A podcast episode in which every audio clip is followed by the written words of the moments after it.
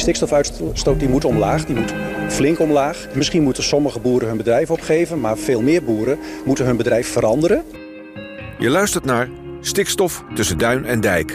Een podcast van NH, waarin het gaat over een van de grootste crises van dit moment, de stikstofcrisis.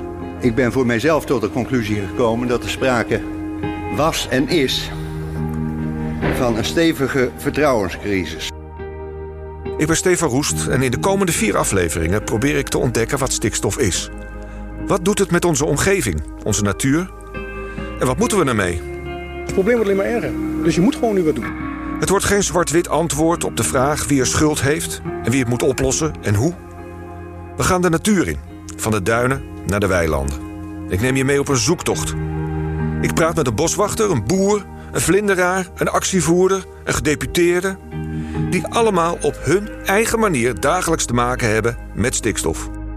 Er zit een enorme urgentie op, want de insecten gaan enorm achteruit. En uh, ik denk dat ze een enorm herstelvermogen hebben. Dus als we de goede dingen doen, dat ze ook heel goed kunnen, kunnen herstellen. Uh, maar dit is wel uh, ja, heel fundamenteel, denk ik. Dat we, dat we ons verdiepen in hoe het met de insecten in Nederland gaat. Ik bespreek met hun hoe de Noord-Hollandse natuur eraan toe is. Wat de schadelijke effecten van die stikstof zijn. Waar we de oplossing zouden kunnen vinden. En ik probeer te ontdekken waar toch de zilveren maan is gebleven. Dit is aflevering 3. De zilveren maan.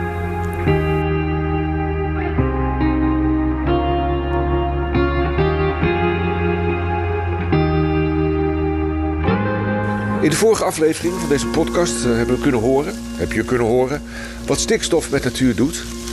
Uh, we gingen de Noord-Hollandse duinen in, onder andere, waar we zagen hoe bijzondere duinplantjes als uh, de stijve ogentroost en andere ja, echt typische kleine duinplanten het afleggen tegen de soorten die je tegenkomt op iedere vuilnishoop.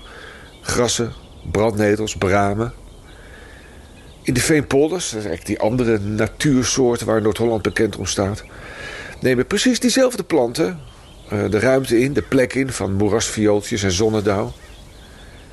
Vandaag ga ik op zoek naar een bijzondere vlinder. Ik ga op zoek naar de zilveren maan. En de zilveren maan is eigenlijk voor mij zo'n beetje uh, het symbool van de, van de verdwenen Noord-Hollandse natuur. Natuur die verdwenen is door veehouderij, door verdroging van de weilanden, intensieve uh, agrarische industrie en door stikstof. We gaan de Diemerzeedijk op. We gaan mee met Han Jacobs. Oh, hij klapt niet echt. Ik denk voor de schapen toch maar een beetje dicht houden. Die hele dijk eigenlijk, dat is wel uh, een leuk stukje. Uh, vooral voor vlinders en libelles. Want uh, ja, hier komen toch veel, uh, veel, veel trekkende dieren komen hier doorheen. Dus met een beetje mazzel en met een beetje geluk, dan vind je hier iets leuks. Dus ik heb hier bijvoorbeeld al een keer een zwervende panzerjuffer gezien. En nou ja, je ziet bijvoorbeeld ook regelmatig als je hier gaat kijken ook zu zuidelijke keizerlibelles vliegen. die planten zich hier niet voort, maar een stukje verderop. Dus het, uh, het, waait, uh, het waait wel stevig waait trouwens. Stevig, uh, we zijn ook een beetje beneden dijk hoor. Misschien oh ja, dat, dat, is een goed idee. Terwijl ik met Han de Lute opzoek, kan ik je mooi vertellen dat Han dit jaar dus de enige persoon is die in heel Noord-Holland een zilveren maan heeft gezien. Of in ieder geval dat hij wist dat hij een zilveren maan heeft gezien. En terwijl die vlinder vroeger gewoon algemeen voorkwam in de polders van onze provincie. Maar met het verdwijnen van het moerasviooltje, de ouderwetse weilandbeheer is ook de zilveren maan uit Noord-Holland verdwenen. Op de Diemerzeedijk struinen we op de plek waar die vlinder in mei dit jaar nog rondfladderde. Walstro inderdaad, ja. ja. Ik ben niet zo heel erg van de planten. Grassen, wilgen. Ik, ik, ik, weet wel een klein beetje over planten, maar niet heel veel. Maar het is wel gek, want de, de begroeiing is hier ook weer anders. Hè. Sommige jaren groeit het hier ook helemaal vol met distels. En je ziet nu toch wel dat er wel meer, uh, meer brandnetels uh, zitten dan, uh, dan anders. Ja, en riet. misschien zijn dat ja. wel goede stikstof, stikstofsoorten. Ja. ja, dus, ja. Maar ja, die zilveren maan, ja, die, hij was een stukje verder, dus ik liep hier gewoon eigenlijk een beetje. En, een, een, een, blauwe... Ja, zo'n watersnuffel denk ik. Watersnuffel, zo'n blauwe waterjufferachtig ding. Een mannetje watersnuffel denk ik. Maar je liep hier? Ja, ik liep hier. En nou ja, Ik had, eh, ik had eigenlijk nog nooit een, uh, een paramoorvlinder in Amsterdam gezien. En eh, nee, ik was ook vrij vroeg eigenlijk. Vind ik altijd wel lekker als ik hier een beetje vroeg loop en ik heb een, een, gekke zwerver. Dan trap ik hem op en dan meestal vliegen ze dan niet gelijk heel erg ver weg. En dat was nu ook zo, want er was een heel klein beetje een zonnetje. En ik zag een klein oranje vlindertje opeens nou, voor mijn voeten opvliegen. En toen dacht ik van, oh, dat is waarschijnlijk een kleine parelmoervlinder. Dat zag ik wel gelijk, maar toen keek ik iets beter en toen dacht ik van nee, dat is het niet. En toen had ik wel zoiets van nou, het zou wel, uh, het zou wel eens een zilveren maan uh, kunnen zijn. En uh, toen heb ik snel even een paar foto's gemaakt, want ik denk ja, dat is mooi, het is nu. En ik had ook echt wel mooie, mooie foto's kunnen maken van, van die vlinder. En toen ben ik toch even gaan checken op mijn Google een beeldherkenning erbij en even alles erop losgelaten. En toen uh, was het toch wel duidelijk dat het een zilveren maan was, ja. Wat is de, het, het kenmerk? Wat onderscheidt die dan van andere paramoervlinders? Ja, dat is vrij lastig. Hè? Je hebt natuurlijk gewoon zo'n zo'n kleine paramoervlinder. Die heeft van die reusachtige vlekken aan de onderkant. En die heeft ook vrij hoekige vleugels. Die zijn ook vrij klein. Maar die zilveren maantjes, dat zijn echt wel uh, vrij kleine, vrij kleine paramoervlindertjes. En die zijn ook vrij uh, bont gekleurd aan de onderkant. Ja. Wetenschap wijst uit de laatste waarneming van een zilveren maan, gedaan in mei door ene Han Jacobs. Ja. ja. De laatste. De laatste, hier. In, in, in, in heel Noord-Holland. In, in, heel Noord-Holland, ja. ja. Daarvoor ja. een melding. Ilperveld. Uh, Ilperveld was het, hè? Ja. Ja, ik heb wel gevraagd nog aan Chris. Uh, Chris is iemand die, uh, die werkt voor de Vlinderstichting. voor de Vlinderstichting. Ja. Ging, ja, hij is weg. Ja, hij is alweer weg. Ja. Ik best naar En ik had al even zoiets van, nou zit er al een populatie in het Eelperveld. Maar hij zei van, nou nee, daar is helemaal geen sprake van. En uh, het is gewoon een leuke waarneming. En het is waarschijnlijk een zwerver. En, uh, maar ik wist, ik, ik wist wel dat er in, ja, in de negentiger jaren is daar een poging geweest om, uh, om die zilveren maan daar weer uit te zetten, toch? Ja, ze zijn daar uitgezet. Twintig stuks. 20 stuks. Gedeputeerde mevrouw Ada Wildekamp heeft okay. er toen 20 losgelaten met het idee. En dat waren uh, vlinders of rupsen? Ja, vlinders. Vlinders. ja, ja, ja. Oké. Okay, ja.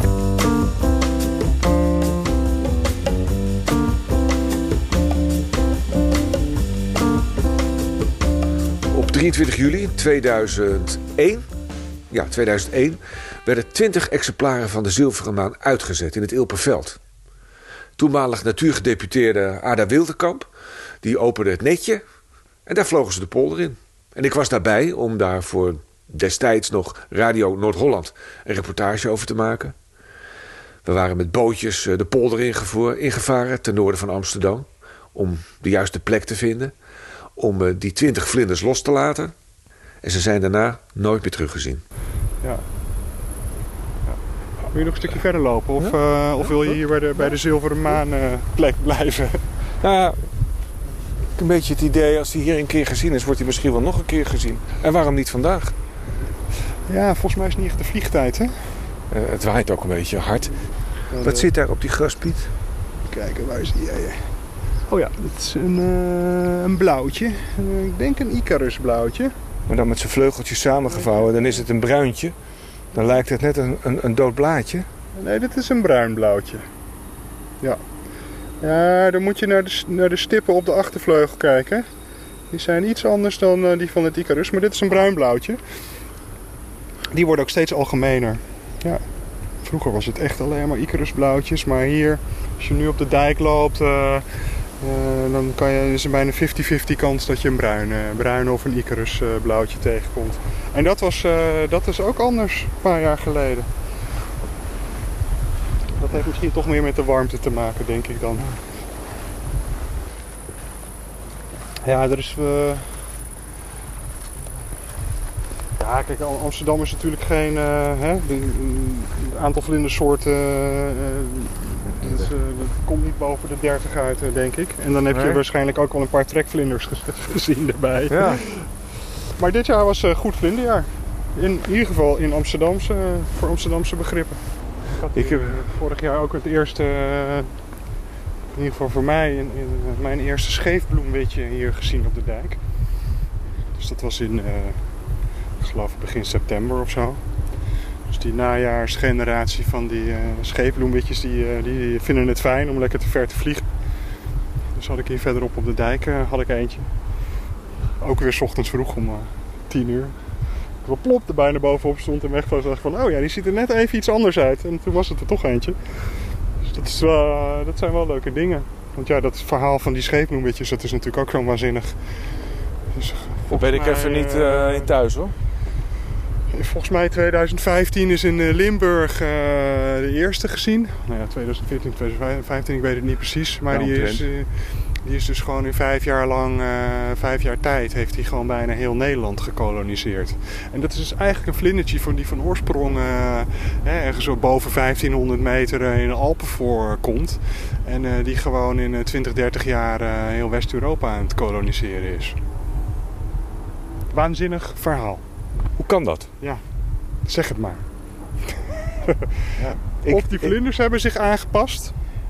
Ja, ik denk toch ook klimaatverandering, uh, uh, vera klimaat veranderde wind, windstroming, uh, ja, bepaalde vegetaties op bepaalde momenten wat er vroeger niet was. Ja. Waardoor die nu wel. Die hebben even een ontsnappingsmoment gehad, waardoor ze bepaalde plekken kwamen waar het opeens wel goed ging en toen was het op gaan. Nou ja, het gekke is natuurlijk dat ze eigenlijk vanaf vrij, uh, vrij grote hoogtes uh, kwamen. Ja. ja. Ik weet, ik ken het verhaal niet precies hoor, maar er schijnt dus ook al toen iemand in Zwitserland en Oostenrijk geweest te zijn, die had er een paar verzameld, een paar van die scheepbloembitjes. En die zei dus van, nou ja, ik heb, hier vliegen dus scheepbloembitjes. En die werd toen al helemaal voor gek verklaard. En, uh, maar later is dat dus helemaal, uh, ja, is dat natuurlijk uitgekomen dat hij gewoon helemaal gelijk had. En dat die beesten echt uh, Europa aan het koloniseren waren. Tot de lage landen aan toe. Nou ja, precies. Ja, nu hier. En dus nou ja, vorig jaar, twee jaar geleden, voor het eerst in Amsterdam. En voor mij vorig jaar voor het eerst hier in Amsterdam. Nou ja, zo zijn er wel meer van die, van die... En ook met libelles heb je dat... vorig jaar, nee, 2019 was het zo warm zuidelijke stromen ook. En toen zijn hier ook in Amsterdam de eerste zadellibelles gezien eigenlijk. Ja, en dat zijn eigenlijk soorten die, nou ja, die eigenlijk in Noord-Afrika zitten. En die kunnen wel in de zomer, kunnen ze wel in meerdere generaties, kunnen ze dan Noord-Europa bereiken. Maar ze waren hier al in juni en in grote getalen ook. Hè. Dat was een stuk of tien of zo bij elkaar gezien, ergens in Westpoort in zo'n plasje. Dus ja, en dat is, ja, dat is, natuurlijk, ja, dat is natuurlijk gek. Hè? Dat je bedenkt van ja, zo'n beest door de warmte ja, is gewoon opportunist, opportunistisch en gewoon gaan. We weten natuurlijk van vlinders dat ze dat kunnen. Is Atalanta's en die distelvlinders ook. Die kunnen natuurlijk grote afstanden afleggen. Maar ja, sommige libelles doen dat dus ook. Maar ja, dan moet het toch net even een stukje warmer zijn. Ja. En dat wordt het. En dat is het dus blijkbaar ook, ja. ja. Dus ja, ergens is dat zorgelijk en ergens brengt het weer gekke nieuwe beesten met zich mee.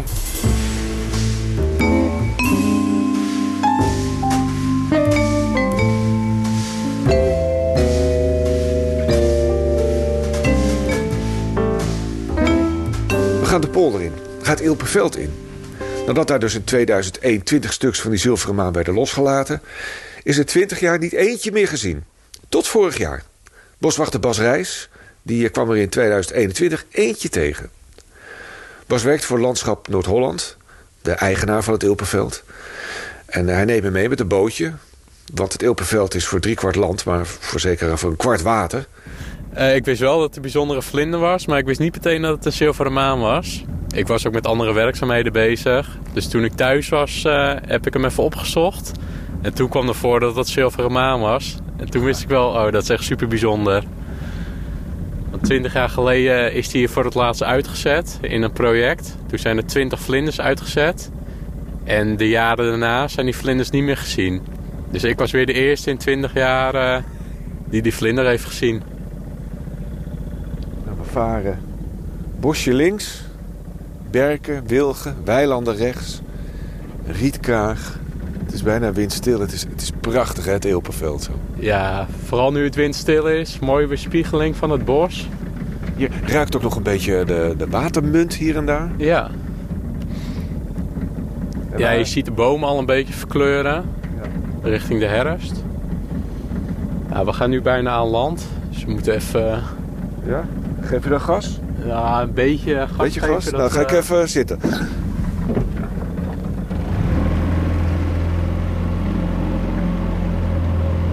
Dan komt de oever. 3 meter, 2 meter, 1 meter.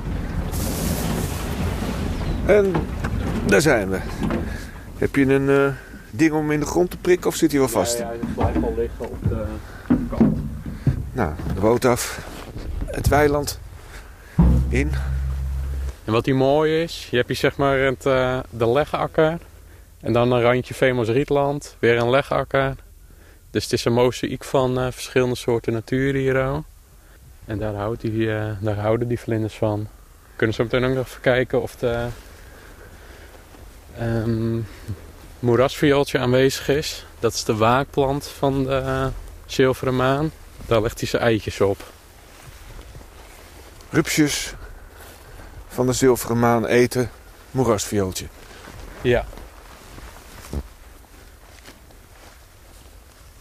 Ja, ik was daarbij, hè, twintig jaar geleden. Toen die vlindertjes hier werden losgelaten. De directeur van het landschap Noord-Holland toen, Jan Manderveld, was daarbij. Gedeputeerde Ada Wildekamp. En uh, ja, ik kan me herinneren, doosje open. Vlindjes eruit. Alle kanten uit uh, weggewaaid. En nooit meer teruggezien. Nee. Totdat jij twintig jaar later er weer eentje aantreft. Ja. Het was uh, begin augustus. Vorig jaar? Vorig jaar. Vlinder was wel al een beetje afgevlogen. Maar het is wel een, hele, een heel bijzonder moment was dat. Ik krijg natte schoenen van het uh, dauw op het hoge gras. Ja, we kunnen wel even Femos Rietland inlopen. Kijken of we daar nog wat andere soorten gaan zien. Ja. Ergens heb ik er een soort stil hoop. Misschien, misschien zien we er nog één. Waternavel. Oh ja, hier is het wat natter, het land. En zie je al het Femos al. Ja.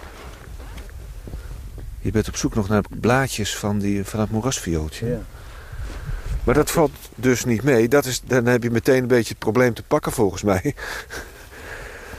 Er groeit van alles. Alles knalt de grond uit. Veel sneller, veel hoger dan dat, dat moerasviooltje. En dat wordt natuurlijk heel snel overwoekerd. Je ziet grassen erin groeien. Pitteris groeit er een beetje in. Daar komt de, de berkenopslagmeter, twee meter hoog. Ja, dus in dit Famous Rietland hebben we nog uh, voldoende werk om dat weer allemaal uh, op orde te krijgen. Ja. Maar dit... Hey, geloofden jouw collega's meteen toen je zei... hey, ik heb een zilveren maan gezien? Want je bent uh, maar zeggen, de jongste boswachter hier. Ja. Hoe oud was jij in 2001 toen ze... In 2001 was ik tien. Kijk.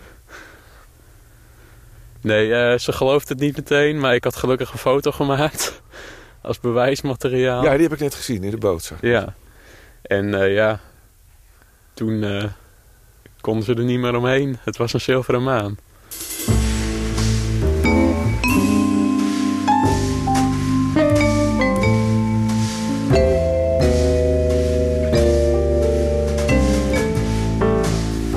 Hier in het Ilpenveld doet Landschap Noord-Holland eigenlijk van alles aan... om te voorkomen dat de weilanden dichtgroeien met riet en uh, weet ik veel wat. Dat het gras en het riet wordt gemaaid, afgevoerd ook. Berken en wilgen die overal uit de grond schieten. Die worden uit de grond getrokken en ook weer afgevoerd. Hier en daar lopen de koeien. Water, moeras, helpt ook. Het al natter worden hier? Ja. probeer een beetje op de pollen te lopen. Dan krijg ik geen natte sokken. Je zal er hier niet doorheen zakken. Maar op Nee. andere locaties zou dat kunnen gebeuren. Ja, dan sta je ineens tot in je middel. eh. Ja, dat heb ik ook wel gehad. Moeten we nog verder? eh? Uh, moeten we hier doorheen? Ja, oh, nou dan. maar. Zonnedauw, kom je die hier nog wel eens tegen? uh, ja, die komt hier uh, heel veel voor. Maar meer op uh, wat jongere Famous-rietlanden.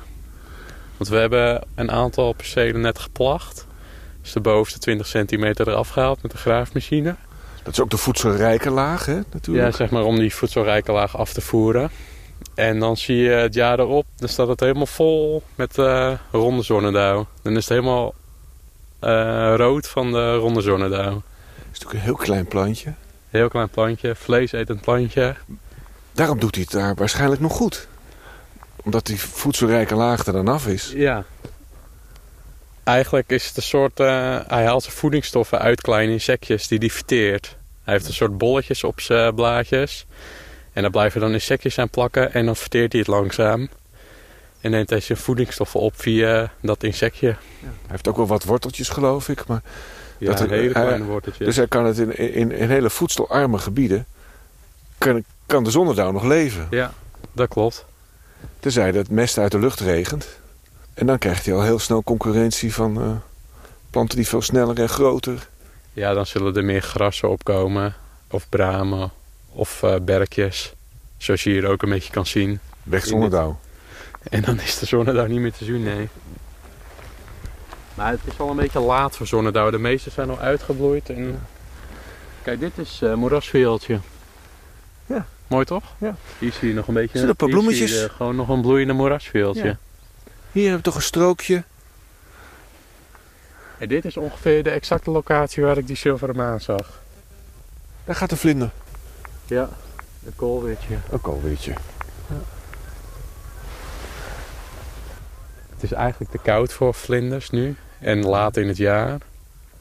Maar hier groeit dus... Het is, eh, het is wel een strookje waar het... Links heb je meer, meer bies en berken. Rechts heb je meer, meer, meer grassen. En, en, en, en precies dit strookje... Daar groeit niet zo heel veel. En daar heeft dat moerasviooltje nog echt kans. Ja. Denk je niet? Ja, echt in de overgangszone. Ja? Denk je dat dat de reden is waarom die het hier doet? Een van de redenen. En dat hier gemaaid wordt. En hier links in het bos wordt niet gemaaid.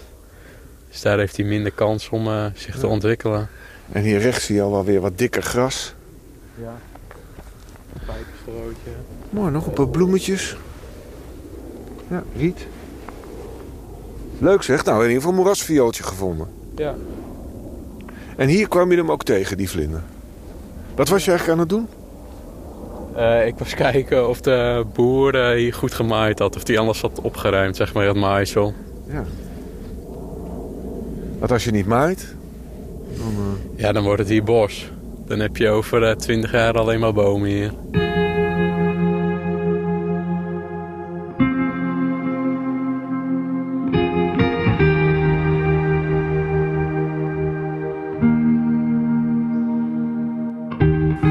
Bos en zijn collega's maaien zich dus een ongeluk om te voorkomen dat de weidenatuur helemaal dichtgroeit. In de duinen doen PWN, Natuurmonumenten en Stadsbosbeheer hetzelfde. In het Gooi placht eh, en maait het Goois Natuurreservaat en worden schaapskuddes de hei opgestuurd om het almaar woekerende gras in toom te houden. In de volgende aflevering van deze podcast kijken we naar de mogelijke oplossingen. Wat moet er gebeuren om de stikstofverspreiding tegen te gaan? Wie doet er mee aan de oplossing? Daar gaat het om. In de laatste aflevering van de podcast Stikstof tussen Duin en Dijk. Een podcast van NH. We proberen wel gewoon zoveel mogelijk biologisch te werken, eh, zeg maar, met alles. Waarom? Waarom? Om de kostprijs laag te houden. Dan kunnen we nog enigszins boer zijn.